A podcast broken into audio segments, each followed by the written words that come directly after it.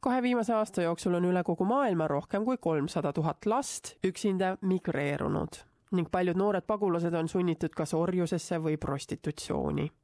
ÜRO lasteagentuur UNICEFi sõnul on globaalne pagulastest laste ning lastest migrantide arv tõusnud rekordilisele tasemele.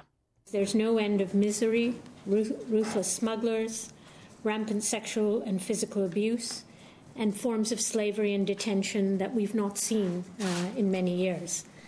Our sense is this cannot go unchecked in this day and age, particularly in industrialized countries and amongst the wealthiest countries in the world. see on UNICEFi pagulaste ja rändajate kriisikoordinaator Afshan Khan. UNICEF kutsub nüüd neid riike, kus lapsed on varjupaika otsinud, neile paremaid teenuseid pakkuma. Nende sõnul kannatavad paljud lapsed ülerahvastatud varjupaikades, nad jõuavad ajutistesse laagritesse või puutuvad tänaval elades ohtudega kokku iga päev jõuab sõjast räsitud Lõuna-Sudaanist Ugandasse kaks tuhat põgenikku ning peaaegu üheksakümmend protsenti neist on naised ja lapsed.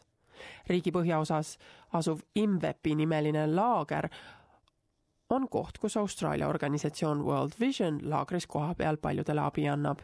World Visioni tegevjuht Tim Costello ütleb, et üle üheksa tuhande lapse on laagrisse ilma vanemateta jõudnud. What really upset me was going to the child friendly spaces of World Vision and hearing that we have now registered 9,000 unaccompanied and separated children. Children who don't know if their parents are alive or dead, who are just told to follow the crowd coming from South Sudan here. These are the sights of raw suffering I'm seeing. Costello ütleb, et peaaegu kaks miljonit inimest on Lõuna-Sudaanis pidanud vägivalla eest põgenema. Nearly 2 million people out of a population of 12 million in South Sudan have fled because of communal violence. 1 million are here just in Uganda.